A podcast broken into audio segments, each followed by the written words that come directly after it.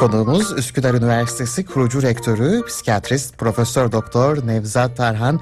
Bugün kendisiyle tükenmişlik sendromunu konuşacağız ve fırsatımız olursa da kendisinden yeni çıkan kitabı Ezber Bozan Hayatı anlatmasını isteyeceğiz. Ee, ve hoş geldiniz diyelim. Hoş geldiniz Sayın Tarhan. Günaydın efendim. Nasılsınız? Hoş bulduk. Teşekkür ederim. Ee, yayınlar diliyorum Giray Bey. Öncelikle tabii tükenmişlik sendromu da yine e, sıklıkla e, artık rastladığımız modern toplumların ne yazık ki e, baş e, sıkıntılarından biri gerçekten e, günümüz toplumlarına özellikle sanayi toplumlarına etkiliyor. Tıpkı majör depresyon gibi geçtiğimiz haftalarda konuştuğumuz e, tükenmiş, e, tükenmişlik sendromuna baktığımız zaman durum nedir acaba? Nasıl tanımlamak gerekir? Tabii tükenmişlik sendromu e, son yıllarda çok fazla e, adından söz edilir oldu. Çünkü e, şey yani bir küresel bir yaygınlaşma var. Yani stres kelimesi mesela 30 sene önce az konuşulurdu ama artık hı hı. çocuklar bile söylüyor stres depresyon. Şimdi tükenmişlikte tükenmişlik sendromu da benzer bir e, gelecek bekliyor gibi gözüküyor. E, bu e, neden arttı bu? Ya da tükenmişlik sendromu dediğiniz zaman ne anlayacağız? Bunu iyi, iyi değerlendirmek gerekiyor. Yani her şeye yani her enerji kaybına hemen tükenmişlik sendromu dememek gerekir. Genellikle normalde tükenmişlik sendromu 80'li yıllarda tanımlanmış. E, tanımlanırken de kişinin e, mesleki e, yetersizliğiyle ilgili mesleki bir tehlike olarak tanımlanmış. Yani mesleki yetersizliğiyle ilgili mesleki performans gösterememe, e, e, başarısız olma, yıpranma, kendi enerjinin kaybolması ve iş, işi verimli bir şekilde iş yapamama gibi iç kaynaklarını tükettiği zaman kişi e, ve durum burada şey bellidir. Neden bellidir? Kişinin iç kaynaklarını tüketmek hissi bellidir.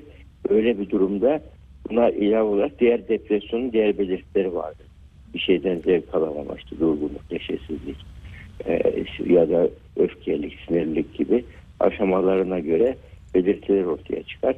Ama tükenmişlik sendromu örgütsel olursa yani kurumda olursa kurumda müthiş hatalar yaptırır. Kaliteyi düşürür, verimliliği düşürür.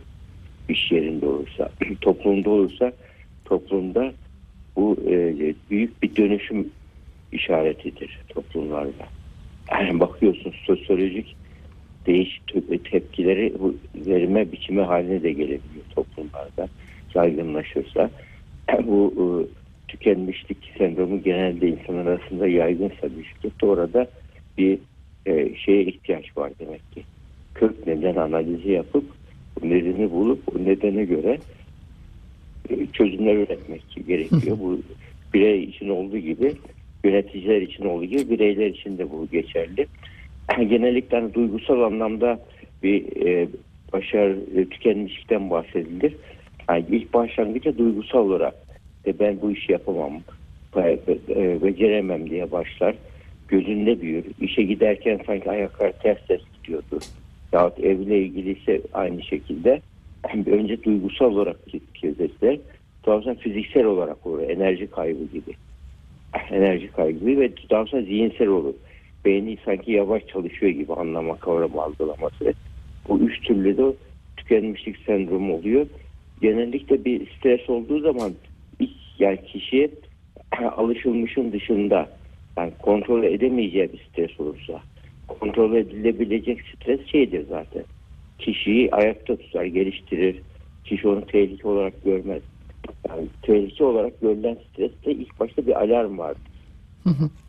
alarm vardır. Alarmda beyin bir savaş veya kaç tepkisi verir. Savaş tepkisi veriyorsa işte e, böyle e, noradrenalin gibi e, böyle e, bazı enerji artıran mesela bütün kan şekerini e, vücuttaki yağ depolarını kana pompalar şey, vücuttaki şeker dopan kana pompalar, kan şekeri yükselir. Mide bağırsak spazmı olur, kaslar kasılır, göz bebekleri büyür, savaş der. Yahut da baktık başı demeyecek kaç der, tansiyon düşer bayılır mesela. Neden fiziksel olarak böyle bir tepki. Böyle alarm dönemi vardır. Daha sonra kişi bu sempatik aktivasyon dediğimiz otonom sinir sisteminin sempatik dönüm kısmını devreye sokar. Enerji, yedek enerji depolarına k- pompalar. Birkaç saatliğinde bu. Ama bu uzun sürerse artık kaynaklar tükendiği için bir müddet sonra artık şey, tepki vermemeye başlar. Duyarsızlık başlar. Ee, ama parasempatik sinir sistemini devreye sokarsa kişi rahatla tehlike geçti. Bu kontrol edebilir bu durum. Bunun baş üstesinden gelebilir diye ümit duygusu yüksekse kişide bu bu duyguya direnme artar. Yani stres alarm olur, direniş olur ama tükenme olmaz. Tükenme olması için kişinin ümit duygusunu kaybetmesi gerekiyor. Artık yani bir şeyden yani ya kurumdan çalıştığı kurumdan ya, e, beklentilerin karşılanmayacağı ile ilgili ümitsizliğe ve de böyle e, artık orada adaletli davranılmayacağı ile ilgili ümidini kesmesi gibi güven zayıflasan durumlar varsa tükenme ortaya çıkar. Yani genellikle alarm olur, direniş olur. E, direnişi aşarsa kişi o yaşanan alarm güçlenerek çıkar alarmdan. Hatta o e, böyle e, stres etkenlerin faydası da oluyor ki biz bunlara şey e, geliştiren stres diyoruz. Geliş, kişiyi daha çok geliştiriyor, güçlendiriyor. Ama tükenmeye dönüştüğü an bu sefer yık- yıkıcı stres ortaya çıkıyor. Yani tükenmeye dönüşmemesi için ümitsizliğe düşmemesi gerekiyor. Bir de şey vardır böyle hani tükenmelerde bir sessiz gizli bir örtülü bir şey vardır, tepki vardır. Hiç tükenme falan yok gözükür. Duyarsızlaşma vardır. Yani böyle Doğru. umursamazlık, yani kinayeli tavırlar ve isteksizlik böyle. İşi savsaklamalar. Yani zeki ve tembel insanlar topluluğu haline gelir kurum. Düşün. Zeki ve tembel insanlar topluluğu haline gelir. O tembellik aslında bir e, tükenmişlik sendromunun direnme aşamasındaki bir umursamazlık ve duyarsızlaşma vardır. Tükenmişlik sendromu o anda artık iş verimini düşürmüştür. Burada akıllı yöneticiler bunu fark eder hemen. Böyle durumlarda yani sebebini bulup yeni motivasyon teknikleri geliştirebilir.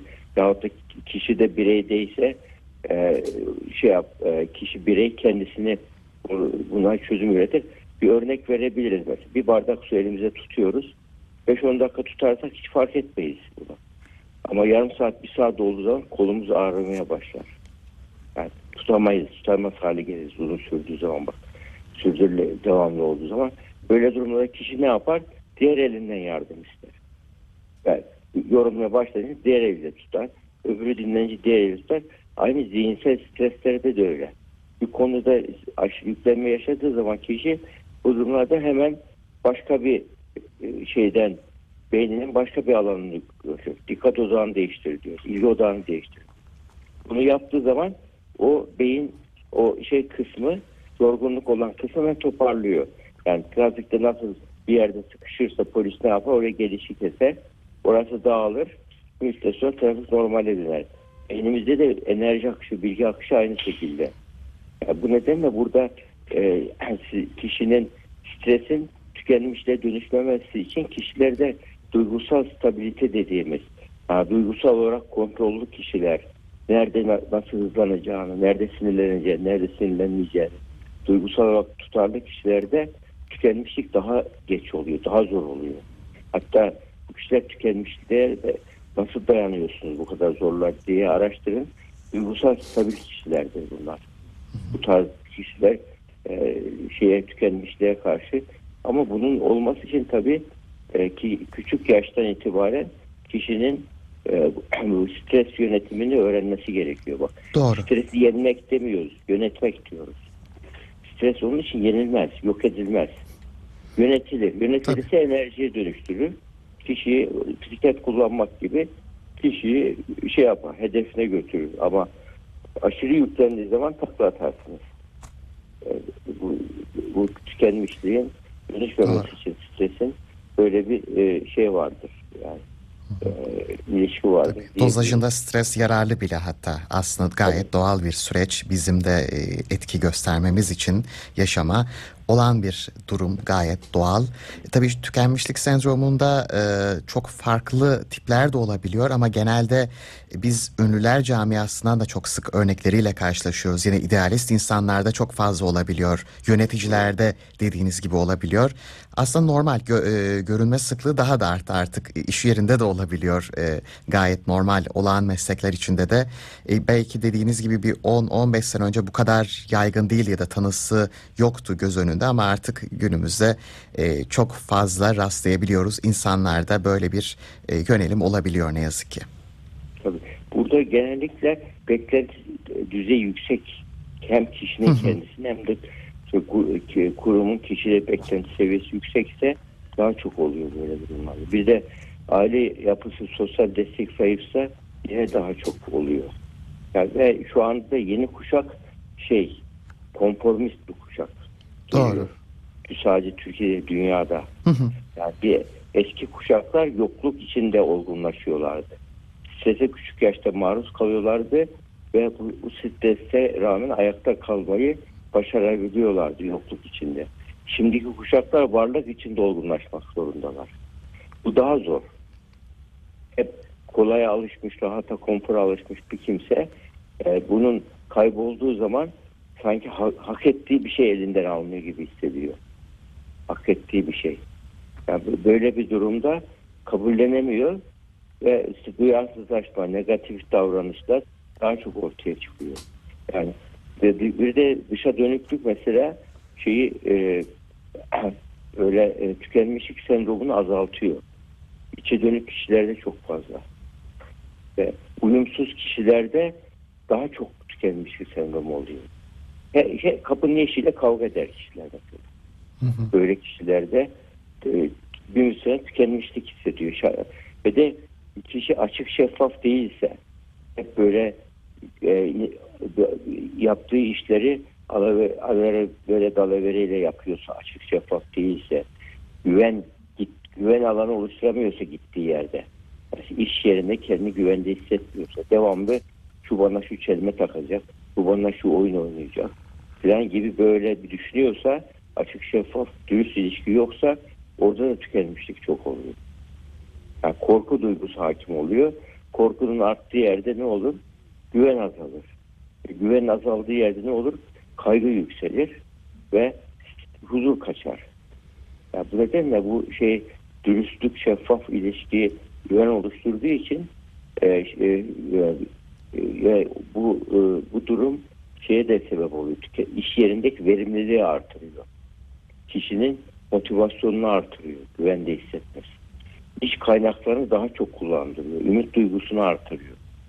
Bu nedenle bu e, gelişmiş ülkelerde ısrarla böyle açık şeffaf ilişkinin ifade özgürlüğünün üzerinde durulması korku değil de e, özgüvenin üzerinde durulması tesadüfi değil. Yani böyle korku kültürlerinde tükenmişlik pasif bir tükenmişlik vardır. İş reddi vardır. Tembellik şeklinde yaşanır. Böyle şey korku kültürlerinde, baskı kültürlerinde. Ama güven kültürlerinde, yüksek güvenlikli toplumlarda ve aykırı konuşmaya dışlanmaz. Böyle insanlar e, haksızlığa uğramayacağı ile ilgili kendilerine daha çok güvenli hissederler. Yani böyle toplumlarda yani tükenmişlik daha şey oluyor çözüm üretmek daha kolay oluyor. E, günümüzde artma sebeplerden birisi de tabii şey tükenmiştir. Ünlü kişilerde özellikle göz önündeler devamlı. Göz önünde oldukları için kendilerine e, idealler, beklentiler de yüksek oluyor toplumda. Yani, ve böyle kon, e, konformist olma eğilimleri de fazla. Parmakla gösterilen olmak, olmak bir toplumda şey kişiyi devamlı hata yapmamak için tetikte olmaya gerekiyor. Yani yüksek tepelerde düştüğün zaman baya sakat kalırsın ama ovada düşersen bir şey olmaz. Böyle bir duygu tehlike oluşturduğu için kişi kendini rahatlatamıyor. O göz önünde olan kişiler. Yani onlarda da tükenmişlik daha kolay yaşanması e, e, sebeplerinden birisi de bence o. Yani sokağa çıkıp rahat dolaşamıyor mesela. Böyle böyle kişiler bu, bu kişilerde daha çok e, böyle rastlanması bir de bir müddet sonra beklenti de oluşuyor. Yani, yani o ilgiyi be- beklemezse hayal kırıklığı yaşıyor. Yani ufak bir eleştiriye karşı birdenbire tükenmiş hissediyor kendisini. Yani bu, bu kişilerde ma- öyle göz önünde bulunan, parmakla gösterilen bir, bir kişi olduğu zaman öyle kişinin eleştiriye dayanıklılığının da olması gerekiyor. Yani, yani sahip olduğu şey kaybetmeye hazırsa o işe girecek. Yani bir işe, iş yeri yatırım yapmadan önce e, kaybetmeye hazırsan bu yatırımı yap der yatırımcılar. Evet. Kaybettiğin zaman yıkal, taşı şey yapmış yıkılmayacaksa. Hay- Hayatta da aynı şekilde. Yani riske girersin kaybetme ihtimali de var kazanma ihtimali de. Ama kaybettiğin zaman yani benim için kıyamet koptu diye düşünüyorsan o işe gi- gi- yapamazsın zaten. Yani nedenle şeyin yani ideal ideallerin olması kişinin e, önemli yani e, yani ideallerini iyi yönetebilmesi. Yani buna beklenti yönetimi diye geçiyor. Beklentileri yönetebilmek. Ama en çok yorgunluk, enerjisizlik, uykusuzluk gerçekten zor bir şey bu tükenmişlik sezonunda. Evet. Ve ilginçtir mizah tükenmişlik sezonunda karşı çok iyi bir strateji. Mizah. Hmm, Mizah evet. olay. Yani, ümit, yani ümitsizliğe düşmemek ve mizah da e, şeyi artırıyor yani. E, dayanıklılığı artıran bir durum diyebiliriz şeyde. Yani tükenmişlik sendromuna karşı.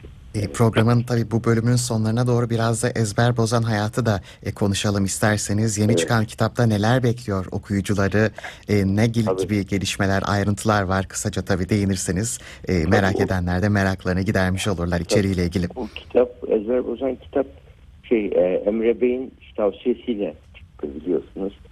E, em- e, e, ilk böyle çok soru geliyor ve öyle e, bir şekilde e, e, sosyal medyada da belli bir şeyde olduğun zaman yani çok e, yani böyle gerçek olmayan söylentiler, dedikodular çok fazla oluyor. Böyle Evet. durumlarda açık şef, açık şeffaf olmak gerekiyor. Yani e, böyle bir şekilde e, hayatında e, böyle e, göz önünde olan bir kimse kendisi hakkında yanlış bilgilendirmeyi açık şeffaf savunulabilecek bir geçmiş olduğunu savunuyorsa bunu e, yazılı, yazılı ifade edebilmeli. Bir nevi onu iş yapmaya çalıştık burada kitapta. Yani bir, bir şekilde birçok bir mafya liderinden tutun da birçok işte 28 Şubat'a kadar birçok alanda bir şey- ciddi şey var. Yani zorluklar yaşan, yaşadım şahsen. O, onlara karşı bir, bir, bir mücadele kendi psikolojik psikolojik e, direnme yöntemleriyle şey yöntemleriyle bazı e, ilk temel ilkelerden taviz vermeden bazı şeyler yapmaya çalıştım. Daha sonra bunlar bir, bir hikaye oldu. Ezber bozan hikaye gibi denmesi de biraz yani hiç kimsenin beklemediği şekilde beklemediği durumlara beklemenilen tepkilerle ortaya çıkması merak uyandırıyor tabii insanlarda. Yani bu şey aslında benim böyle bir şeye e, ilkesel, ilkesel olarak çok yani kendimi anlatmayı sevmiyorum. Pek anlatmak istemiyordum. Fakat mecbur kaldı bir noktadan sonra. Yani yanlış anlaşılanlara, sorulara cevap vermek, tek tek cevap vermek yerine işte buyurun gerçek budur diyebilmek. Yani hesap verilebilir bir hayatın olması güzel bir şey diyor tabii. Burada da işte hesap verilebilir bir so- sorgulanabilir bir hayat var. Onu anlattım. Burada e, yeni sorulara da yeni bakış açılarına da açık olmaya çalıştım. Böyle bir şey yani merak edenler Hı hı. Nevzat Tarhan ne, nedir, ne yapıyor bu adam, nereden çıktı, kimin nesidir diyenler varsa buradan okuyabilirler diyebiliriz. Evet. Çünkü her kitap bir aslında hikayedir. Hatta belki birkaç hikayedir. Ee, içinde geçen Evet. bütün insanlar aslında bizlere de yol gösterir. Hangi kitap olursa olsun. Ee, Bir de şu var. Tabii. Mesela gençler için de şey var. Yani şu anda yeni kuşak gençlik çabuk pes ediyorlar. Yani doğru. pes ediyorlar Bu var, evet. karşı. Buna karşı yani sizin bu zor dediğiniz durumun kaç mislini yaşan, yaşayıp da bunu aşabilmek mümkün. Bunun örnekleri var.